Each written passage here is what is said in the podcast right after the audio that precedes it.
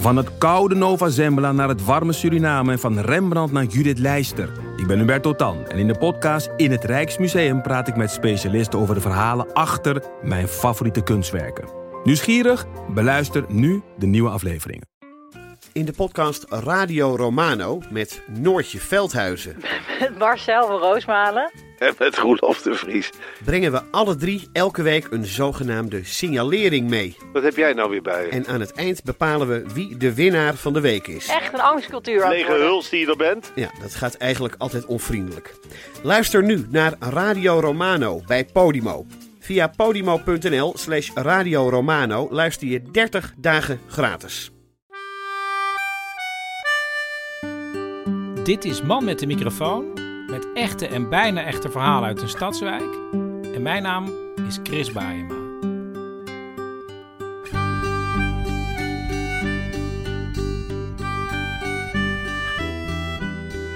We zitten weer op de bank, Pauline. Het is s'avonds laat. Op een of andere manier is er opeens lawaai achter het huis en voor het huis, maar we gaan gewoon opnemen. Waar gaan we het allereerst over hebben? Je oortje. Ja, mijn oor. Want ja, vorige week ging het over mijn oor. Daar had ik een wattenstaafje in geslagen, Ja, meer. en sindsdien hoor ik van heel veel mensen die Ja. dingen in hun oor, of ja, watstaafjes in hun oor moeten doen van zichzelf. Ja, ik heb ook eigenlijk eh, meer reacties gekregen van... eh, ja, niet van niet meer doen, maar meer...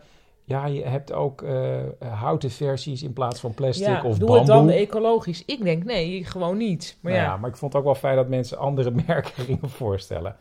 De eerste paar dagen toen ik het had, dacht ik echt van, wat is dit? Ik werd er heel erg moe van. Als we ergens waren geweest, was het net alsof we naar een popconcert waren geweest. Zo voelde het in mijn oren. Ik hoorde in mijn goede oor opeens hele lage bastonen. Eh, dat is inmiddels allemaal voorbij. Ik ben in de tussentijd ook nog naar een KNO-arts geweest. Die zei, het ziet er goed uit. Kan wel lang duren voordat het helemaal is opgelost. En of het helemaal is opgelost. Uiteindelijk, dat weten we ook niet. laten we gewoon dankbaar zijn dat je niet een beroep hebt waarbij audio heel belangrijk is. Precies. Maar ik ben er een beetje aan gewend. Ik hoor rechts gewoon veel minder. Da- Ja. Nou ja, Dus, eh, ja, het is ik was zo trots op mijn gehoor. Nou, en we gingen er vorige week op het allerlaatste moment uit. Toen Joep opeens binnenkwam en... Zo van, ik heb geniest bij economie, ik moest naar huis. Nou, dus toen hebben we, eh, het was enorm veel gedoe met een coronatest regelen. Ja, bellen. Eerst moest je proberen door de lijn heen te komen. Nou, dat heeft echt werkelijk Ja, maar waar uren maar dit, geduurd. Maar dit, is, dit, is, dit weten mensen toch, dat Oh het ja, heel nou, moeilijk Oké, is. ik- even korte samenvatting. Het heeft uren geduurd. Toen had Joep uiteindelijk iemand aan de lijn. Toen kon hij niet binnen twee dagen 48 uur een afspraak maken. Moesten we nog een keer terugbellen. En toen ben ik met hem na een paar dagen naar de Teststraat gereden hier in Amsterdam. Eh, en daar mocht ik niet opnemen, bleek. Kan je het zelf even bes- bespreken wat er gebeurde? Hier, moet je zeggen dat we niet mochten opnemen. Staat hij aan? Ja. Oké, nou, we mochten niet opnemen. Maar er werd een ding in mijn neus gestoken, heel ver. En toen kwam er heel veel snot uit. Dat was het dan. En over hoeveel dagen krijg je reactie? Eh, Ik krijg een resultaat over twee dagen, als het goed is, zei hij. Oké, maar en dan nu eh, de kijkers, de luisteraarsquiz. Is het voor een scholier van 18 erg om vijf dagen lang binnen te zitten? Ja of nee? Antwoord in je eigen tijd. Is het voor de verzorgende volwassenen in huis vervelend als een scholier van 18 jaar Mag ik- zit? Zal ik, het, zal ik het voorbeeld even geven? Joep, zou jij misschien even deze vuilniszak eh, willen weggooien Op de hoek? op de hoek? Joep. Nee, dat, dat mag niet vanwege corona. Waar hij gelijk in had. Ja. Hij mocht dat niet. Maar dus, dus wij zo van, ah shit. Ja. Ja, het was ook, ik weet ook niet, we, we, we hebben dus ook nog weer moeten wachten op de coronatest. En ik weet niet of Joep nou echt hoopte dat het positief of negatief zou worden. Nou ja, dat horen jullie later. En ik heb nog gevraagd aan eh, jullie luisteraars of jullie wilden komen met verhalen rond een beetje dom. En ik heb eh, twee bijdragers van jullie vandaag. En de eerste is van Erik uit Groningen. Nou, het was een zondagavond. eh, ik moet zeggen dat ik het niet precies weet. De tweede of de derde week van de intelligente lockdown. En ik eh, was bij een vriend geweest op de fiets in de stad en dan hadden we tegenlicht zitten kijken. Dat was een beetje mijn al vroege coronabubbel. Ja, het tv-programma Tegenlicht had Erik nou niet echt een heel fijn gevoel gegeven. Want het ging over... Ehm, over de toekomst, eh, weet ik veel, het nieuwe normaal, dat soort dingen. Na de uitzending is hij dus op zijn fiets gestapt en naar huis gereden. Ik zag eh, de stad Groningen en het was helemaal uitgestorven. Ja, het was de begintijd van corona, dus de stad had iets van een verlaten filmdecor. En terwijl hij vlak bij de ringweg fietste en om zich heen keek, dacht hij... Dit, dit, dit, vind ik, eh, ja, dit vind ik raar, ik vind het niet leuk, ik vind dit ja, vervreemdend. En in dit rare landschap popte het volgende idee in zijn hoofd. Weet je wat, we maken het gewoon nog gekker dan het al is. Ik ga gewoon op die ringweg fietsen. En dus rijdt hij de autoweg op. En ik eh, voel me echt eh, ja, geweldig. Ik denk, ja, oh, dit is echt cool. En ik denk ook, oh, jongen, die ringweg is wel een stuk groter op de fiets dan in de auto. Hij fietst en hij fietst. En dan op een gegeven moment kijk ik om. En eh, uiteraard komt er toch een auto achter me aanrijden. De auto is nog ver, maar het vervelende is, er is geen vluchtstrook. Dus ik kon ook niet echt gewoon even aan de zijkant gaan wachten. Want er was geen zijkant. Dat- Op dat moment wisselt mijn gevoel ineens en denk ik, oh, wat ben ik dom. En ik ga heel hard fietsen. Dus ik fiets echt zo hard eh, dat ik eh, op een gegeven moment eh, een beetje eh, bloed in mijn mond krijg. Ik heb dat ook wel eens eh, vroeger gehad met, met zo'n piepjestest op de middelbare school, dat ik veel te hard doorging. Nou, ik dacht, ah, daar gaan we weer.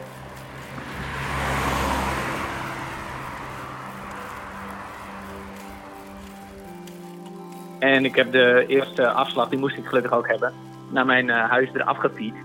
En ik was achteraf echt heel hoge hartslag en ik voelde me zo onnozel. En op zich was het misschien wel niet heel gevaarlijk, want ik had een lampje, maar toch, de automobilist verwachtte me niet. Ik voelde me echt een beetje dom.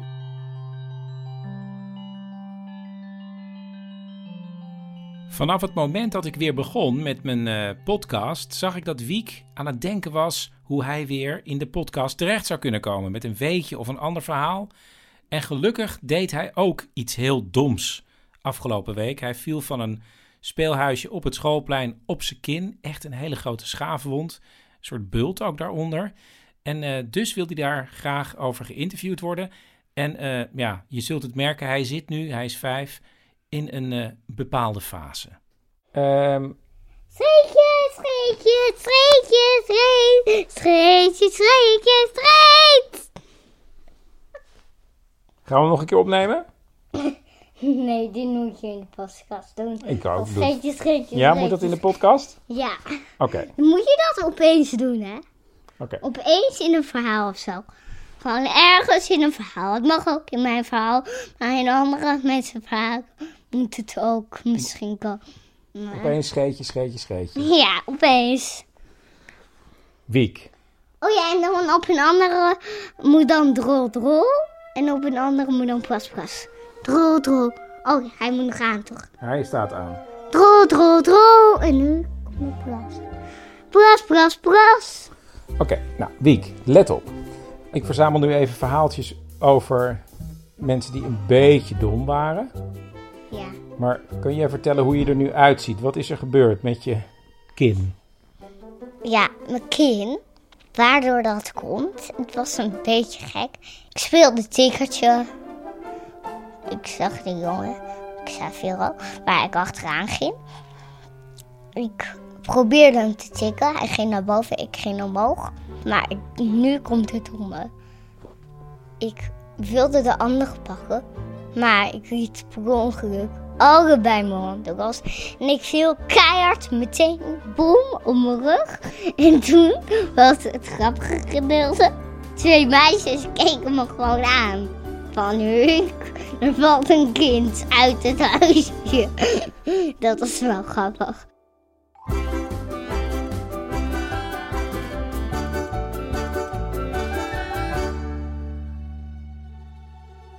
Streetje, streetje, street!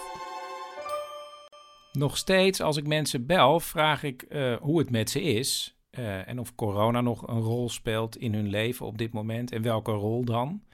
En dat was ook het geval bij Jules. Dus uh, je hoort zijn verhaal, maar eerst hoor je eigenlijk ja, hoe het nu met hem gaat. Ja, ik zit er vooral een beetje met mijn, met mijn ouders waar ik voor zorg. Maar verder uh, gaat het wel weer een beetje zijn gangetje. En, en waarom moet je voor je ouders zorgen? Nou, die hebben allebei uh, Alzheimer en ze wonen nog wel, uh, ze wonen nog wel zelfstandig. Maar ze hebben wel steeds meer hulp nodig. En het is ook nog maar de vraag hoe lang, hoe lang het nog zo kan blijven doorgaan. Mm -hmm. En hoe is dat met corona dan? Ja, dat is, dat is lastig. Want ja, ze hebben, er komen wel mensen om ze te helpen. En ik ga dus ook regelmatig langs. En, en ja, mijn moeder is soms in de war. En eigenlijk is het enige wat dan wat dan helpt is knuffelen. En ja, dat doe ik ook gewoon. Ik, ik kan niet, niet knuffelen. Dat, dat, dat gaat niet. Ja, dus jij knuffelt nog wel, maar en, en, en hou je daar dan nog rekening mee buitenshuis in verband met, met corona, wat je doet dan? Ja, maar ik moet eerlijk zeggen, ja, het, het wordt wel een beetje minder, maar ik, ik meet wel, ik meet wel drukke plekken. Maar ik, dat, dat, dat vond ik sowieso niet zo prettig, maar je ziet dat mensen op gewoon uh, uh, niet zoveel meer zich aantrekken van afstand houden. En dat probeer ik wel nog te doen. Mm -hmm. En je knuffelt met je moeder. En, en, hoe is het met je vader? Nou ja, mijn moeder is wat verder in haar ziekte dan, dan hij. Maar ja, ik merk dat het, dat het hem zo langzamerhand ook een beetje over de schoenen begint te lopen. Ja. En, en weet hij wel dat hij dement is? Jawel, daar zijn ze zich allebei heel erg van bewust. Zelfs, uh, zelfs mijn moeder, die al een flink end is. Soms uh, wil ze s'avonds uh, naar huis. Dan bedoelt ze naar de moeder. Maar ja, die is al een tijdje dood. En dan, als je er dan gekalmeerd hebt... en ze is weer helemaal... nou ja, ze is weer geland, zal ik maar zeggen. Dan weet ze ook nog wel dat ze, dat ze even daarvoor in de war was. En wat ze toen dacht. Dat vind ik heel wonderlijk. Dus je, dus je kunt ja, die, die, dingen in haar hoofd doen het allemaal nog wel, maar niet altijd, zal ik maar zeggen. Ja, ja. En, en, ze, en ze, nou ja, ze is er zich van bewust dat het uh, misgaat. En als ze, dan, uh, als ze dan weer geland is, dan zegt ze van zo, nu ben ik weer helder. Huh? Echt waar?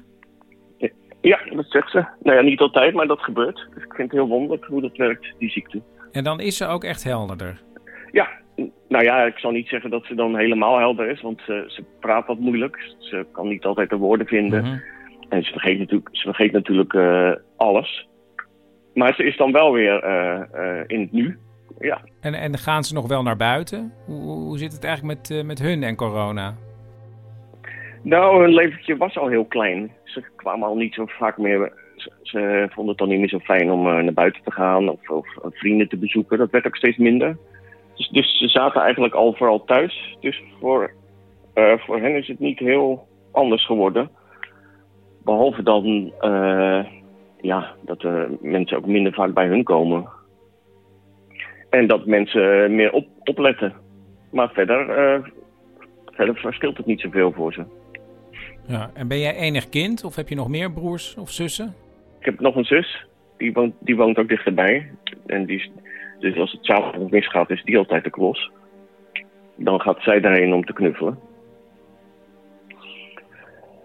Uh, ja, maar ik ben wel blij dat we dat samen kunnen doen.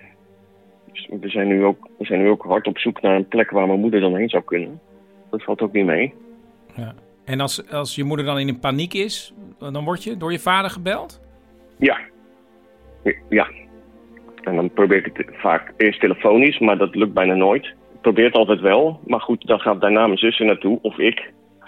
Als het niet heel erg uh, uh, acuut is. Maar dan, uh, dan merk je dat, het, dat je door af te leiden, nou ja, een beetje knuffelen, zeggen van kom, we gaan even een stukje lopen. Ja, dan, dan schiet ze uit die stressstand. Ja, en, en hoe ontwikkelt dit zich bij je moeder? Nou, dat verschilt. Dat wordt, dat wordt heftiger. De laatste stonden, zo, stonden moeder al op straat. Die wilde weg. En toen... Uh, ja, toen... Uh, uh, mijn vader probeerde het tegen te houden. En nou ja, overburen erbij. Dat was, dat was niet fijn. Hmm. Hey Jules, ja, mensen die veel naar mijn podcast luisteren weten dat mijn vader heeft ook Alzheimer. Wat ik wel fijn vind is dat, de, dat, dat hij daar goed over kan praten. En dat hij ook zegt tegen mensen als hij ermee praat van ja, ik vergeet wel heel veel. Dus. Maar hoe zit dat bij jouw ouders? Bij mijn ouders was het nooit een, eh, een onderwerp wat, wat bespreekbaar was. Dus bij mijn, zeker bij mijn vader hebben we heel lang gewoon met z'n allen eh, een toneelstukje gedaan. Zo van, eh, we doen net alsof alles nog goed is. Oh, en, hoe zag het En- toneelstuk er dan uit? Nou, gewoon eh, zon- op visite bij ze. En, nou, het onderwerp, het ging er nooit over. Iedereen merkte dat mijn vader steeds vergeetachtiger werd. Want bij mijn vader begon het in elk geval eerder, die ziekte. Maar daar ging het eigenlijk nooit over. En ik, kreeg hem, ik heb hem ook met veel moeite mee naar de dokter gekregen uiteindelijk.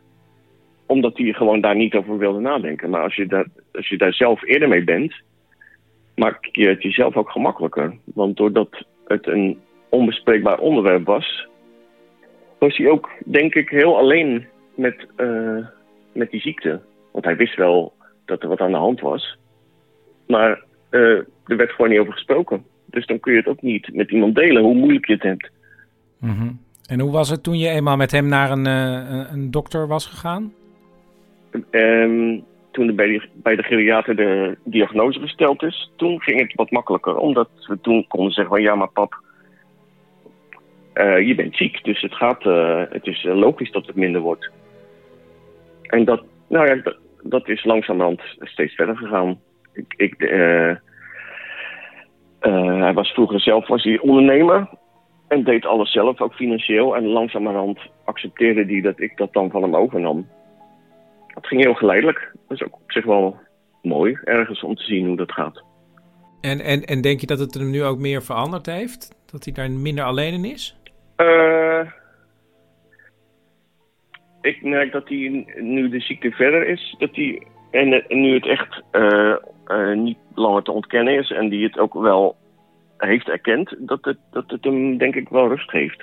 Omdat, we, om, omdat hij eh, zich niet meer hoeft te generen dat hij bij dingen hulp nodig heeft. Ja, ik, nou, ik denk dat het al een winstpunt is. Nou ja, Jules, ik wens je, ja, jou en je zus heel veel eh, sterkte met het ondersteunen van je ouders. En dan hebben we het nog helemaal niet eens over mijn verhaaltje gehad. Oh nee, we hadden het helemaal nog niet over zijn verhaal gehad. Weet je wat? Dat komt zo meteen. Maar we gaan er eerst even tussenuit voor de uitslag van de coronatest van Joep. Oké Joep, dit is even een reconstructie, want ik heb het, het moment niet opgenomen. Maar we doen even een reconstructie. Reconstructie uitslag coronatest. Joep, eh, je hebt net je mail bekeken. En? Ik werd gebeld. Reconstructie uitslag coronatest versie 2. Joep, je bent net gebeld. Ze zei dat ik geen corona heb. Eh, en toen ging ze nog wat vragen stellen. Maar ik heb geen corona, dus dat is fijn. Wat hebben ze voor vragen gesteld? Of ik nog naar het buitenland ben geweest de afgelopen tien dagen. En of mensen in mijn huis klachten hebben. En verder niets, Oké, nou dankjewel Joep. alsjeblieft.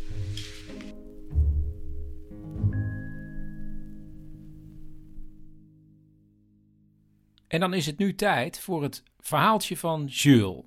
Het zit zo. Jules is gek op eh, het Afrikaans, de taal die in Zuid-Afrika gesproken wordt. En hij had geregeld dat hij daar gedurende drie maanden privéles kon krijgen in Stellenbosch. Daar had ik een eh, appartementje gehuurd in de Dorpstraat, de oudste straat van het stadje. Daar had ik een eh, achterplaatsje en daar ging ik tussen de middag ging ik daar altijd lunchen. En om te lunchen sleept hij elke keer een stoel uit het huis naar het plaatsje. Maar toen zei zijn huisbaas, dat was Carmen, die zei... Die zei, oh, maar ik heb nog wel een eh, klein tuinstelletje thuis, dus dat kan ik wel komen brengen. Zij stapt in de auto met haar vriend en rijdt naar Jules. Het ging om een tafel en twee stoeltjes. Dus ik liep naar buiten en iedereen in Zuid-Afrika heeft een ijzeren hek voor zijn deur. Eh, dat, eh, daar moest ik wel aan wennen. Jules loopt naar buiten om de spullen te versjouwen en laat het hek gemakshalve even open. En we liepen met de meubelstukken om mijn huis naar mijn achterplaatsje. En eh, weer terug. En Karma en de vriend vertrokken.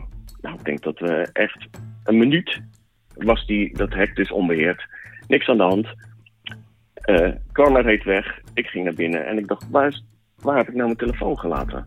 Jules heeft twee telefoons. Zijn Nederlandse en een nieuwe Zuid-Afrikaanse. En die is weg. En toen dacht ik van, nou, dan pak, pak mijn oude telefoon.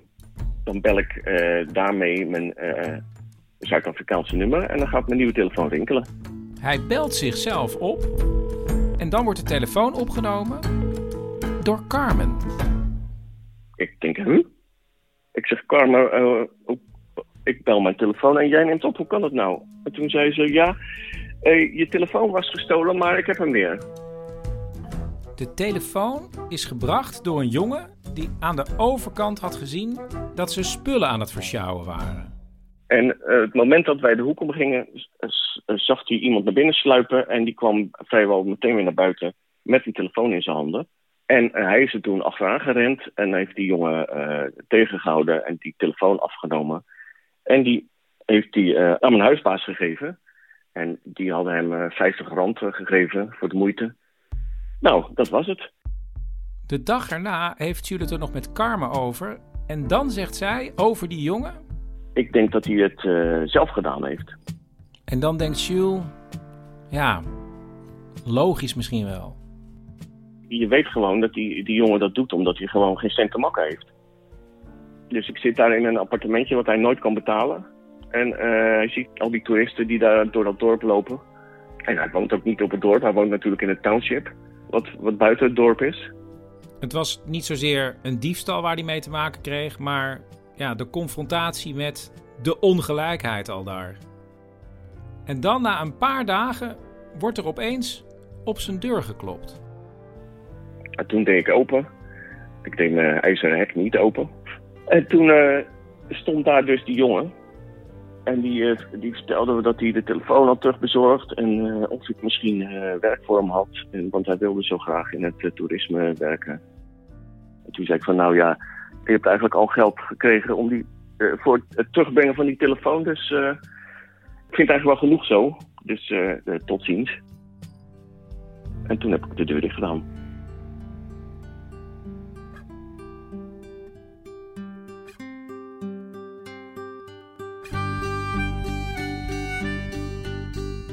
Dit was aflevering 29 van Man met de microfoon. Heb je zelf nou een verhaal waarvan je denkt: ja, het was gewoon groter dan mezelf. Ik wist, ik moest het niet doen. Maar uiteindelijk is het misschien best een bijzonder verhaal om nou ja, aan, aan ons allemaal te vertellen.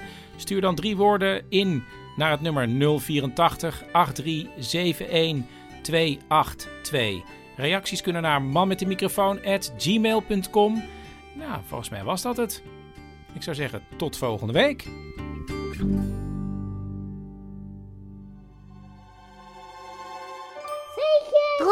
Drol, drol. Streetjes, streetjes, streetjes,